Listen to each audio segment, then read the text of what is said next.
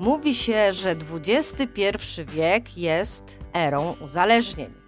Od początku stulecia naukowcy nazwali uzależnieniami już prawie 30 różnych zachowań. I ta lista zdaje się nie mieć końca, a media, media prześcigają się więc w opisaniu kolejnych z nich. Można więc mieć wrażenie, że dziś uzależnić można się od wszystkiego. Czy tak jest naprawdę? Żeby odpowiedzieć na to pytanie, postanowiłam przeprowadzić 20 rozmów z ekspertkami i ekspertami, którzy na co dzień zajmują się tematyką uzależnień, właśnie, czyli psychologami, naukowcami i psychoterapeutami. Razem z nimi przeprowadzę Was przez ten labirynt informacji i odpowiem na pytanie, dlaczego właśnie o naszych czasach mówi się, że są erą uzależnień i jak to się stało, że niektóre nasze naturalne zachowania stały się uzależniające. Opowiemy, czy można się uzależnić od seksu, pracy, sportu, zakupów, hazardu, opalania, biegania, uczenia itd. itd. Jeśli można, opowiemy, czym się to objawia, jak podobne jest to do uzależnienia od substancji psychoaktywnych, czyli np. uzależnienia od alkoholu i gdzie iść na terapię. Jeśli jednak nie, obalimy stereotyp i nazwiemy rzeczy po imieniu. I oczywiście zawsze w każdej audycji podpowiemy, jak radzić sobie z uzależnieniem, zarówno będąc bliskim, na przykład mamą, żoną, ojcem, mężem osoby uzależnionej, jak i samemu będąc uzależnionym. Zapraszam, Maja Ruszpel. Moim gościem ponownie jest Magdalena Smaś-Myszczyszyn. Będziemy rozmawiały o kompulsywnych zachowaniach seksualnych, czyli o czymś, co potocznie nazywamy seksoholizmem albo uzależnieniem e, od seksu. Chciałabym się ciebie zapytać, jak e, od tych prawie 20 lat przyjmujesz pacjentów w swoim gabinecie, to e, jaka jest typowa wiedza Polaka na temat tego problemu, tego uzależnienia od seksu, tych kompulsywnych zachowań seksualnych? Co ludzie w ogóle na ten temat w Polsce wiedzą? Bo nie było żadnych kampanii społecznych, informacyjnych, które by nas uświadamiały, co to jest. Rozmów na ten temat w mediach też nie jest znowu tak strasznie dużo. Naprawdę trzeba chcieć znaleźć tę wiedzę, więc zastanawiam się, jak to jest, e, e, kiedy przychodzi pacjent i mówi: Wie pani, chyba jestem uzależniony od seksu. I co to dla niego znaczy? Co to znaczy dla Polaka być uzależnionym od seksu? Wiesz, dla wielu Polaków e, bycie uzależnionym od seksu oznacza po prostu to, że są w związku małżeńskim, e, mają e, aktyw są aktywni seksualnie w tym związku i dodatkowo się masturbują, albo czasami w ogóle nie są w związku żadnym i masturbują się, i to już jest dla nich coś, co świadczy o uzależnieniu od seksu, dlatego że mają takie poczucie, że masturbować się nie wolno, że mhm. to jest coś, co jest złego, że jest grzechem. Mhm. Mhm.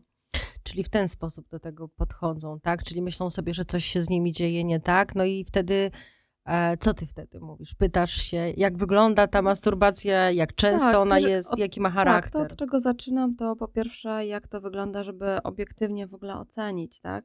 E, jak wygląda e, ta masturbacja, czy jak wyglądają te kontakty seksualne.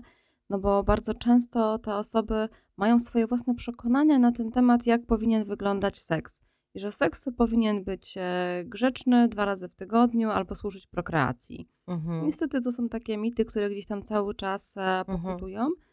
Oczywiście jest też e, kompletny drugi biegun tego wszystkiego, kiedy, kiedy są osoby, które trochę mówią, mm, wiesz, hulaj dusza piekła nie ma mhm. i, i tego seksu jest faktycznie bardzo dużo. Natomiast większość osób, które jednak zgłasza się do terapii, to są osoby większość osób, która ma takie przekonania, tak, i mówi, że jest uzależniona od seksu, e, zgłasza się dlatego, że ma poczucie, że gdzieś to jest e, wbrew jego wartościom, wbrew jego przekonaniom, że nie powinno się masturbować, że nie powinno się mieć przygodnych kontaktów seksualnych. Okej, okay, czyli to wkracza w raczej obszar e, moralności, etyki, raczej, raczej z tego się bierze, natomiast no, y, kompulsywne zachowania seksualne y, to, to jest jednak coś innego. Prawda? Dokładnie. Mhm. Też y, często zdarzają się takie sytuacje, w których e, przychodzi e, osoba i mówi o tym, że e, jest uzależniona, w cudzysłowie oczywiście, i w tym momencie też mówi o tym, że to uzależnienie to polega na tym, że ona jest w związku małżeńskim i że doszło do zdrady. Aha. Jeżeli doszło do zdrady w związku małżeńskim, no to e, żona powiedziała, że jak pójdzie na terapię, bo jest uzależniony, tak, to, to małżeństwo przetrwa. I czasami to jest taka przykrywka tylko do Mhm. tego, żeby e, nie ponosić konsekwencji związanych ze zdradą. Krótko mówiąc, y, to co powiedziałaś raczej brzmi w taki sposób, że Polacy mają bardzo małą wiedzę na temat tego, e, czym są te kompulsywne zachowania seksualne nazywane potocznie uzależnieniem od seksu. Tak? tak. Raczej wyobrażenia e, jakby Mhm. wokół, wokół Spora, tych- spora część osób ma raczej wyobrażenia Mhm. wokół, jak to wygląda, jakie to jest te fajne, przyjemne, miłe doświadczenie. E, nawet tak jak rozmawiałyśmy wcześniej, że część osób myśli sobie, że jakbym się miało od czegoś uzależnić, to od seksu. Tak, E, bo też to to- słyszałam. Tak, bo to jest takie e, Przyjemne. przyjemne. No, a tak naprawdę uzależnienie od seksu czy, czy hiperseksualność jest związana z ogromnym bólem i z cierpieniem doświadczanym przez tą, e, przez tą osobę. E, I oczywiście też e, największą część pacjentów to są jednak pacjenci, którzy przychodzą dlatego, że cierpią. Tylko, że też czasami to cierpienie wynika z moralnych postaw, z wartości, z wiary, z religii, a nie zawsze wynika e, z tego, że faktycznie tych, nad tymi zachowaniami oni stracili kontrolę. Ale to Magda brzmi tak, jakby po prostu e, potrzebna by była większa taka psychoedukacja seksualna. Raczej, tak? Tak, oczywiście. Skoro e, wiedzę seksualną czerpią z filmów pornograficznych, no to jednak umówmy się, aktorki porno to nie są edukatorki seksualne. Mhm. Filmy pornograficzne nie służą edukacji seksualnej, a niestety część e, osób czerpie wiedzę z tych e, filmów i wydaje mi się, że też jak e, cokolwiek, jakkolwiek ten seks u nich wygląda inaczej niż w filmie, to znaczy, że coś jest z nimi nie tak. Mhm, No, ale takie są wyobrażenia i wyobrażam sobie, że jeżeli e, młody człowiek dojrzewa, zaczyna go ta sfera e, interesować, rodzice mają no, jakąś barierę, czują, jeśli chodzi o rozmowę na temat seksualności, więc rodzice nie, e, nie rozmawiają. Naturalną rzeczą rozwojową jest to, e, że ten młody człowiek jest po prostu tego ciekaw, więc wpisuje do wyszukiwarki w internecie słowo, nie wiem, wagina, penis, a- albo e, nazwijmy to wulgarnie te, te, te same części ciała. No i siłą rzeczy natrafi na filmy pornograficzne i siłą rzeczy będzie e, tam czerpał wiedzę i będzie miał wyobrażenie, że tak wygląda życie seksualne. Tak, bo wiesz, nawet jeżeli my e, tworzymy portale dotyczące edukacji seksualnej i chcemy edukować seksualnie e, i chcemy przekazywać prawdziwą i rzetelną wiedzę dotyczącą edukacji seksualnej, e, to Facebook albo Instagram nas zablokuje. Mhm. że my jak tworzymy różnego rodzaju właśnie portale, czy, je, czy ja jak piszę na temat seksu właśnie w, na, na, na swoich kontach społecznościowych, no to albo muszę zastępować jakimiś dziwnymi znaczkami, tak żeby Mhm. e, on tego nie sczytał jako seks, a Mhm. jeżeli to sczyta, to bardzo często po prostu blokuje zasięgi. Słowo seks. tak, Mhm. samo słowo seks blokuje. Nawet jeżeli ono jest użyte w takim właśnie pozytywnym tego słowa znaczeniu, kiedy chcemy Mhm. ludziom wytłumaczyć i przekazać rzetelną wiedzę e, seksualną. Okej. Em, To powiedz w takim razie, e, czy mm, pornografia robi w pewnym sensie krzywdę wyobraźni człowieka? Wiesz, e, jeżeli tą pornografię oglądają osoby dorosłe, Tak. jeżeli one mają już e, jakieś swoje doświadczenia w relacjach seksualnych, w relacjach w ogóle z innymi, jeżeli mają wyobrażenie na temat seksu, to one mogą oglądać pornografię i ona nawet e, może być jakąś formą urozmaicenia ich e, związku, podpatrzenia się. Mhm. Wiele ludzi w ogóle mówi, że ogląda pornografię, bo nie ma skąd się nauczyć na przykład albo czerpać e, pomysłów na przykład na e, pozycje seksualne, na formy aktywności, na to, co można robić. Natomiast jeżeli pornografię ogląda młody człowiek, to jemu się wydaje, że tak wygląda seks. Wydaje mu się, że to, co jest e, na tych filmach pornograficznych, to jest norma. E, Były na przykład takie badania w e, Wielkiej Brytanii prowadzone, kiedy pokazano nastolatkom zdjęcia pięciu kobiet. Trzy kobiety to były aktorki porno, które były właśnie zrobione różnymi programami tak, do przeróbki zdjęć. I dwie kobiety to były naturalne, zwykłe kobiety. i poproszono nastolatków o ocenienie, która z tych kobiet jest najbardziej naturalna. I oni wskazywali na te kobiety, które są e, aktorkami porno. A jak pyta, badacze pytali się, e, dlaczego, e, jak wyglądają te kobiety naturalne, to oni powiedzieli, że one są zdeformowane. Mhm. Że dla nich naturalne ciało wydawało się zdeformowane. I bardzo często dzieciaki, e, młodzież czerpie tą wiedzę na temat seksu właśnie z pornografii, i dlatego dla nich pornografia jest e, szkodliwa. Dodatkowo, kiedy ona jest jeszcze powiązana z przemocą, e, też w pornografii e, nie uczy się relacji, nie uczy się e, gry wstępnej. Jak pytam na zajęciach z edukacji seksualnej, jak prowadzę zajęcia z młodzieżą i pytam się, co to jest gra wstępna, to licealiści nie znają definicji gry wstępnej. Oni nie wiedzą, co to jest, nie wiedzą, o czym ja mówię, bo w filmach pornograficznych nie ma gry wstępnej. No nie ma, nie ma. Więc e, one, oni jakby uczą się tego. E, poza tym e, w filmach pornograficznych kobieta jest w dużej mierze uprzedmiotowiona i ona zawsze się na wszystko zgadza, zawsze jest chętna i zawsze jest szczęśliwa i zadowolona z tego, co się tam dzieje.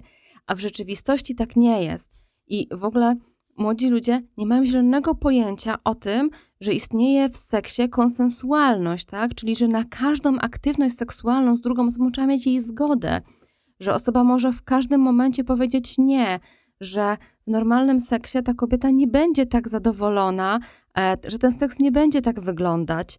E, I wiesz, to jest potem tak, że przychodzą do mnie na przykład młodzi ludzie i przychodzi mężczyzna, który mówi, że on ma wytrysk przedwczesny.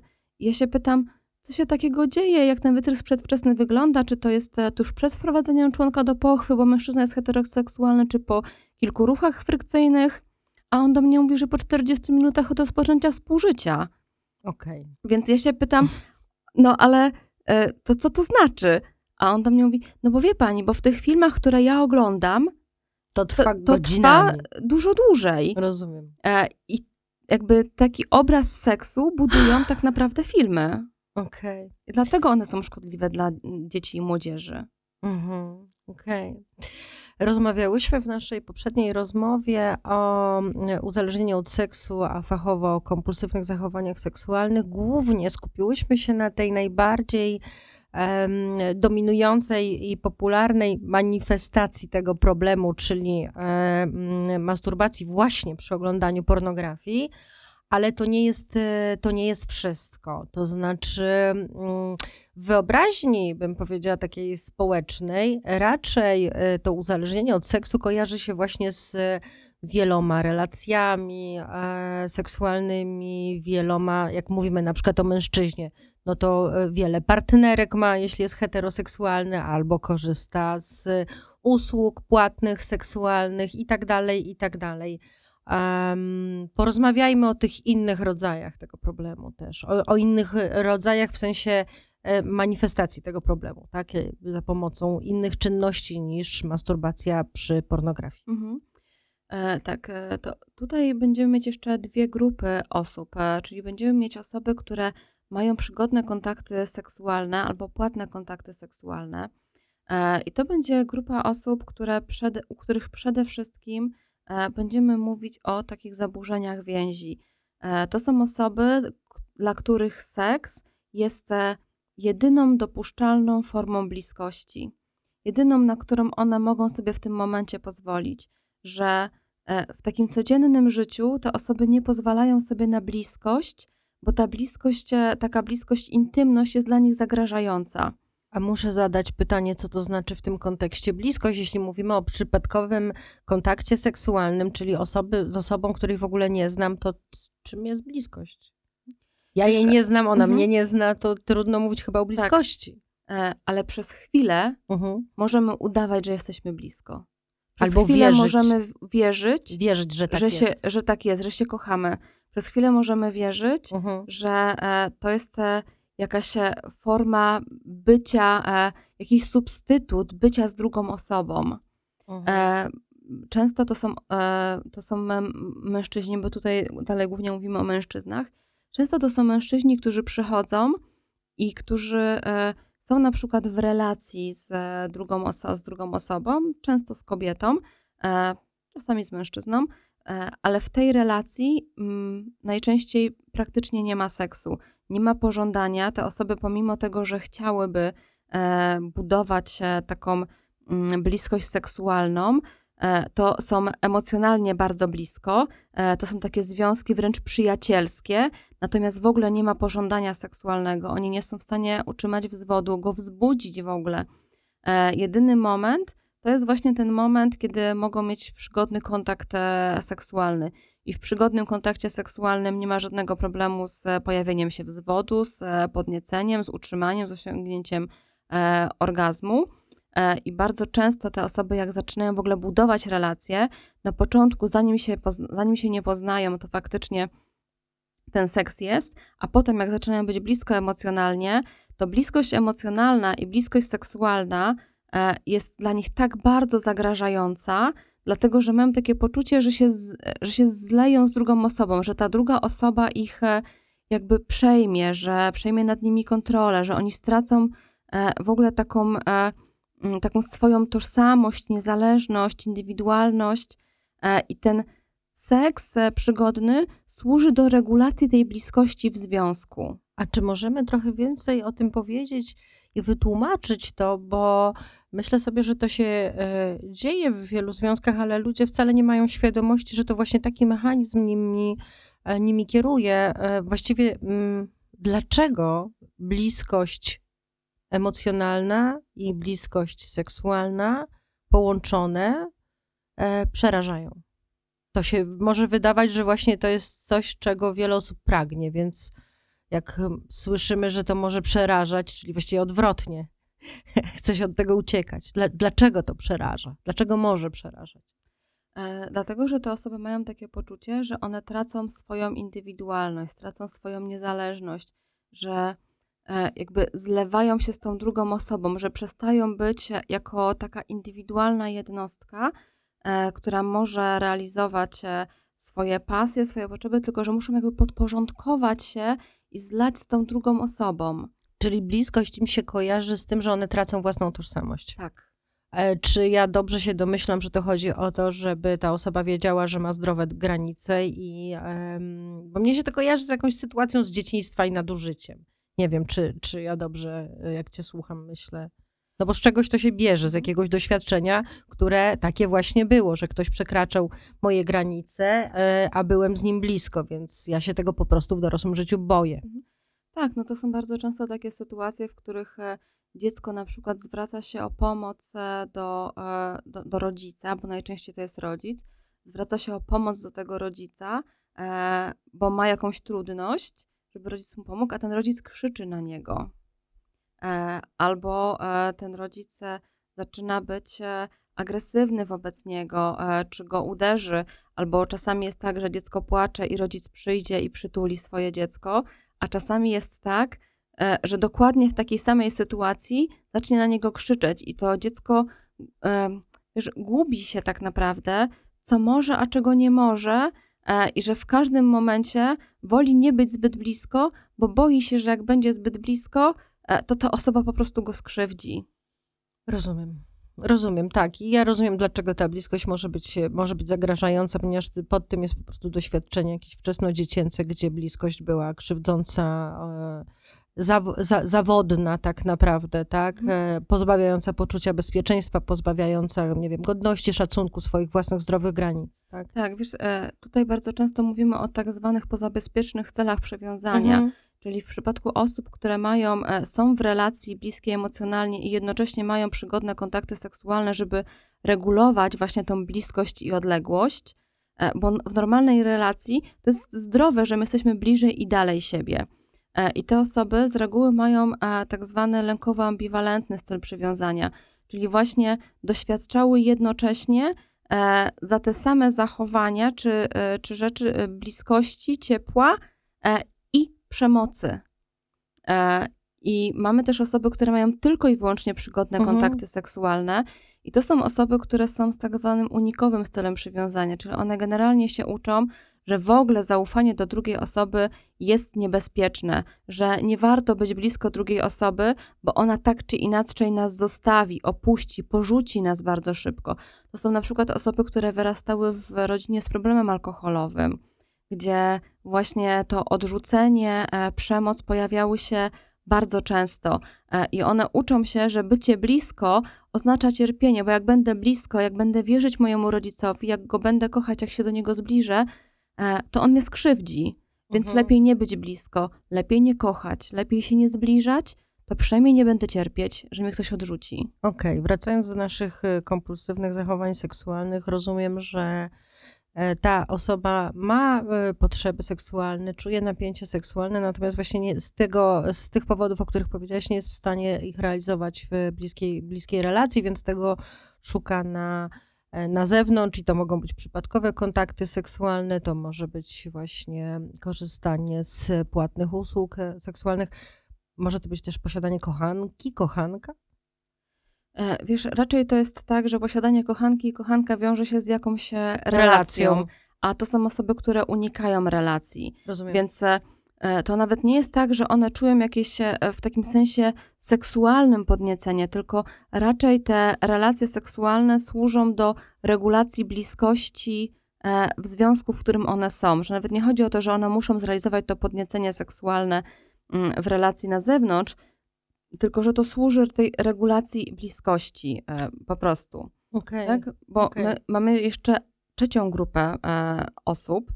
E, to będą osoby, które mają zarówno bardzo dużo przygodnych kontaktów seksualnych i bardzo dużo masturbacji. I w zależności od tego, co jest dla nich dostępne w tym momencie, trochę w cudzysłowie, co jest pod ręką, to tak realizują to napięcie, rozładowanie napięcia seksualnego.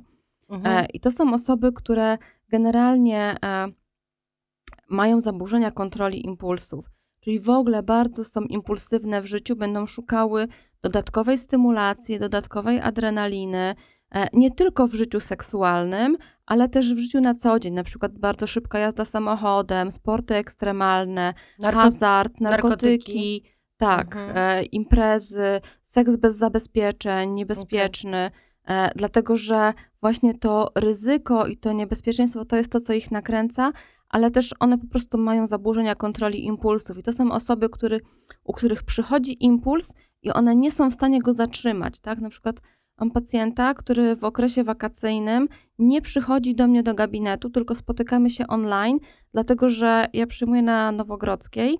I tam bardzo często za szybami samochodów, za wycieraczką są e, zdjęcia i reklamy różnych e, agencji towarzyskich. Tak, bo dodam tutaj dla słuchaczy, którzy nie są z Warszawy, Nowogrodzka to jest taka ulica w centrum, w centrum miasta i faktycznie są tacy kolporterzy, ulotek e, ze zdjęciami mm, nagich kobiet, tak, i z reklamami po prostu agencji towarzyskich. Mhm. Tak, i ona jak zobaczy tylko takie zdjęcie za swoją wycieraczką, to e, ponieważ on ma k- problem z kontrolą impulsów w swoim życiu, to on e, widząc to zdjęcie po prostu musi to zrobić, tak? Nawet jeżeli jemu uda się e, dojść do takiego momentu, że okej, w tym momencie nie zadzwonię i nie skorzystam, e, no to i tak na, przeciągu dnia po prostu musi to zrobić.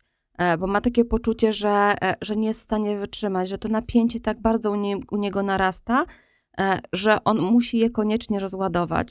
E, I wtedy z takimi osobami pracujemy w ogóle nad kontrolą impulsów w życiu, nie tylko w tym kontekście seksualnym, Mhm. ale w ogóle uczymy kontrolowania impulsów w życiu i też takiego myślenia przyczynowo-skutkowego i widzenia od razu tego przyczynowo-skutkowego, bo to jest bardzo często tak, że te osoby na przykład podejmują ryzykowne zachowania seksualne, na przykład seks bez zabezpieczenia albo seks pod wpływem narkotyków e, i w tym momencie e, my musimy ich jakby od razu nauczyć, że okej, seks bez zabezpieczenia równa się, tak? Co masz zrobić, żeby ten seks był bezpieczny? Nie chodzi o to, żeby tego seksu nie było, tylko co masz zrobić, żeby on był bezpieczny dla ciebie w tym momencie, jak ty się masz zabezpieczyć i jak masz e, e, zacząć kontrolować swoje życie, tak żeby to, te impulsy seksualne, e, czy w ogóle impulsy przestały kontrolować ciebie, tylko żebyś ty przejął czy przejęła nad tym kontrolę. Ja się domyślam, że pretekstem, powodem do zgłoszenia się na terapię tej e, grupy, e, o której mówiłaś e, jeszcze przed chwilą, mówię o tych osobach, które szukają doświadczeń e, seksualnych na zewnątrz związku, a są w związku, że powodem do podjęcia terapii może być po prostu odkryta zdrada, tak? Tak, bardzo często to jest odkryta zdrada, ale też e, jest część pacjentów, którzy zgłaszają się na, te, partnerka nie wie o zdradzie, ale zgłaszają się na terapię, bo na przykład e, bardzo by chcieli, e, żeby po pierwsze w tym związku pojawił się seks, bo partnerka daje im znać, że nie ma seksu, że jest niezadowolona z tego powodu. Po drugie, bardzo często pojawia się chęć posiadania dziecka. Mhm. I jednak wśród naturalnych sposobów zapłodnienia, to do tego stosunku dobrze by było, żeby doszło. Jasne. Więc to to często też jest motywacją dla tych osób do tego, żeby e, podjąć terapię. Mhm. A tych, które mm, tej ostatniej grupy, która właśnie um, traktuje seks, seksualność jako no, raczej rozładowanie pod wpływem impulsu jakiegoś swojego napięcia, to co powoduje, że szukają pomocy? E, głównie konsekwencje związane z aktywnością okay. seksualną zakażenie wirusem HIV, e, HCV, e, różnymi innymi chorobami przenoszonymi drogą kontaktów seksualnych, wydawanie bardzo dużej, pienie- bardzo mhm. dużej ilości pieniędzy na usługi seksualne, łączenie jakby aktywności seksualnej z narkotykami i uzależnienie od narkotyków, albo w którymś momencie, nie wiem, wydanie 30 tysięcy na kokainę i na usługi seksualne. Okej. Okay. Okej, okay, no to szanowni Państwo, jak słyszycie y, coś, co potocznie nazywamy uzależnieniem od seksu, a fachowo kompulsywnymi zachowaniami seksualnymi, jak widzicie Państwo, to ma bardzo dużo e, różnych, nazwijmy to, rodzajów, rodzajów zachowań, tak? Nie można tego wrzucić do jednego worka, a już na pewno nie można myśleć, że że to jest e, e, wspaniałe, rozbudowane, barwne e, seksualnie życie, tylko że jednak jest to przede wszystkim cierpienie, samotność, tak, wstyd, lęk, mhm. tak, niezrozumienie tego, co się, co się z nami dzieje. Na szczęście żyjemy właśnie w takich czasach, gdzie od chyba już 10 lat trwają w Polsce badania naukowe na ten temat, prawda? E, niecałe 10 Niecałe lat. 10 lat. Tak, ale tak. faktycznie zespół hiperseksualność.pl jest mhm. jednym z mm, najbardziej e, znanych i takich rozbudowanych zespołów na świecie zajmujących się badaniem właśnie utraty kontroli nad zachowaniami seksualnymi. No i też warto chyba się pochwalić, że e, między innymi prace tego zespołu profesora Mateusza Goli doprowadziły do tego, że Światowa Organizacja Zdrowia wpisała te kompulsywne zachowania seksualne do swojej, e, do swojej klasyfikacji. To jest ogromne osiągnięcie też Polaków, tak? E, tak, to są też te badania, które, e, które my prowadziliśmy, ale tutaj mhm. jeszcze oczywiście oprócz profesora Mateusza Goli musimy wymienić profesora Michała Lew-Starowicza, e, który zajmuje się tą częścią medyczną badań. E, bo jednak nasze badania w dużej mierze też są, mają podłoże medyczne, mhm. bo my jednak szukamy też neuronalnych e, podłoży właśnie utraty kontroli nad zachowaniami seksualnymi. Ale też e, jeszcze chciałam tylko do jednej rzeczy wrócić, bo mówiliśmy na naszym poprzednim spotkaniu o tym, że nie wszyscy terapeuci uzależnień mają wiedzę i jakby trzeba z taką ostrożnością wybierać to mm, tutaj, jeżeli my nie, nieprawidłowo rozróżnimy podłoże tych zachowań seksualnych, to stosując metody terapii, możemy zaszkodzić pacjentom. Dlatego takie ważne jest, żeby te osoby miały doświadczenie i żeby wiedziały, jak te grupy podzielić, bo jeżeli na przykład e, mamy kogoś, u, u kogo podłożem utraty kontroli nad zachowaniami seksualnymi jest wysoki poziom impulsywności, i my zastosujemy takie typowe metody, które stosujemy na przykład przy leczeniu osób e, z kompulsywną masturbacją, to wówczas my możemy tej osobie zaszkodzić, dlatego że e, zmniejszenie u tej osoby na przykład poziomu lęku sprawi, że ona zacznie przekraczać normy społeczne i zacznie w rzeczywistości realizować rzeczy, które do tej pory były tylko fantazją. E, na przykład zacznie e, pokazywać się nago na ulicy, albo będzie chciała zrealizować swoje fantazje seksualne, które są niezgodne z normami, seksu- z normami społecznymi. Ale po co będzie to robiła? E, dlatego, że do tej pory miała, tak, miała taką fantazję, że to jest coś, co by było mhm. dla niej super, coś, co by było dla niej bardzo podniecające, ale wiedziała, że tego nie może zrobić, mhm. dlatego że lęk mówił jej, Rozumiem. poniesiesz konsekwencje. Rozumiem, a obniżenie tak, lęku. Tak, a obniżenie powoduje... tego poziomu lęku sprawi, że już nie będzie niczego, mhm. co mu powie, nie możesz tego robić, poniesiesz konsekwencje, nie gwałcimy innych. Mhm. Tak? Nie można mieć niekonsensualnego seksu, czyli seksu bez zgody. Jasne. E, I dlatego to jest też takie ważne w tym kontekście, żeby wybrać osobę, która będzie wiedziała, jakie metody terapii dobrać do konkretnego pacjenta. Dobrze. Chciałam na koniec zapytać e, o kwestię farmakoterapii. Tak, bo tutaj dużo powiedziałyśmy o psychoterapii, e, o pracy tak naprawdę z, psycho, z psychiką, z emocjonalnością człowieka, o odkrywaniu swojej seksualności, odkrywaniu umiejętności budowania relacji. Natomiast na ile jeszcze w tym wszystkim może zaistnieć farmakoterapia i pomóc ludziom E, po prostu, no, jak najmniej cierpieć w czasie tego procesu też terapeutycznego, który jest kosztowny emocjonalnie. Mhm. E, czasami, e, jeżeli faktycznie tych zachowań jest bardzo dużo, jeżeli pacjent ma bardzo nasilony poziom lęku, to stosujemy tutaj farmakoterapię i w tym zakresie współpracujemy z, z psychiatrami, seksuologami, bo to też jest ważne, żeby to był psychiatra, seksuolog jednocześnie, E, I tutaj wprowadzamy farmakoterapię. Bardzo często to są leki, których standardowo używamy w leczeniu zaburzeń depresyjnych, zaburzeń nastroju e, i wykorzystujemy skutki uboczne działania tych leków, dlatego że leki z grupy. Tak SSRI, czyli zwrotnego wychwytu serotoniny, które służą do stabilizacji nastroju u osób z zaburzeniami nastroju, np. zaburzeniami depresyjnymi albo zaburzeniami lękowymi, one w skutkach ubocznych mają obniżenie e, poziomu pobudliwości seksualnej. I my możemy tak dobierać te leki, żeby troszeczkę obniżyć ten poziom e, pobudzenia.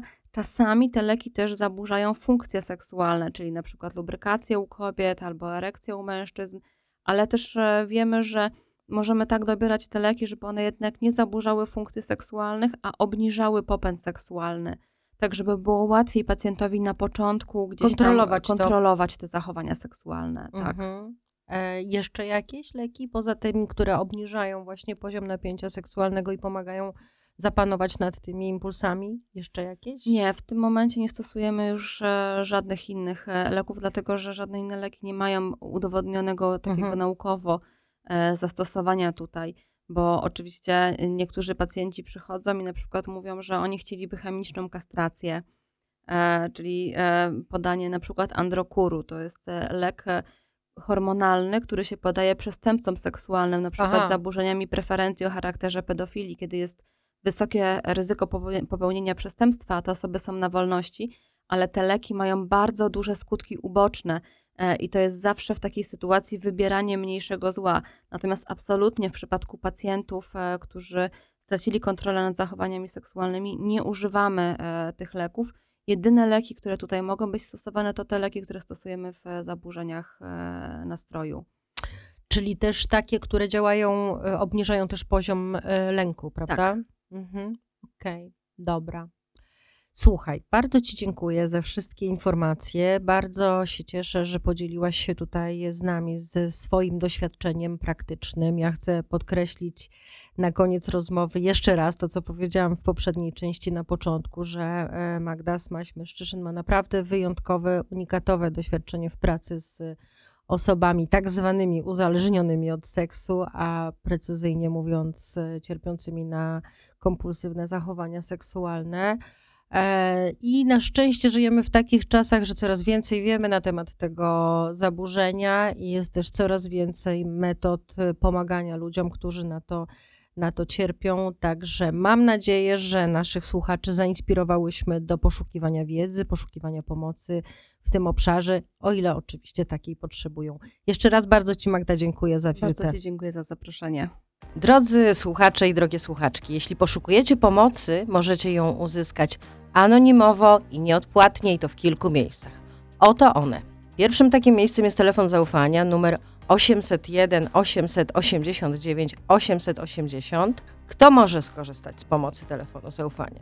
Przede wszystkim osoby, które mają problem z uzależnieniem od czynności lub po prostu zastanawiają się, czego mają, ale także ich bliscy, rodziny, przyjaciele, znajomi.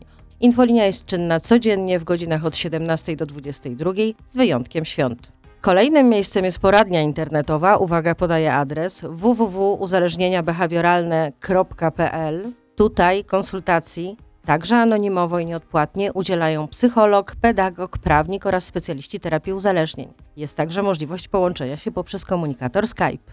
Jeśli zaś chcecie spotkać się z terapeutą uzależnień bezpośrednio, w znalezieniu placówek, które udzielają takiej pomocy, może Wam także pomóc informator, który można pobrać w internecie. Wystarczy wpisać do wyszukiwarki jego nazwę. Informator o placówkach udzielających pomocy w zakresie uzależnienia od hazardu i innych uzależnień behawioralnych.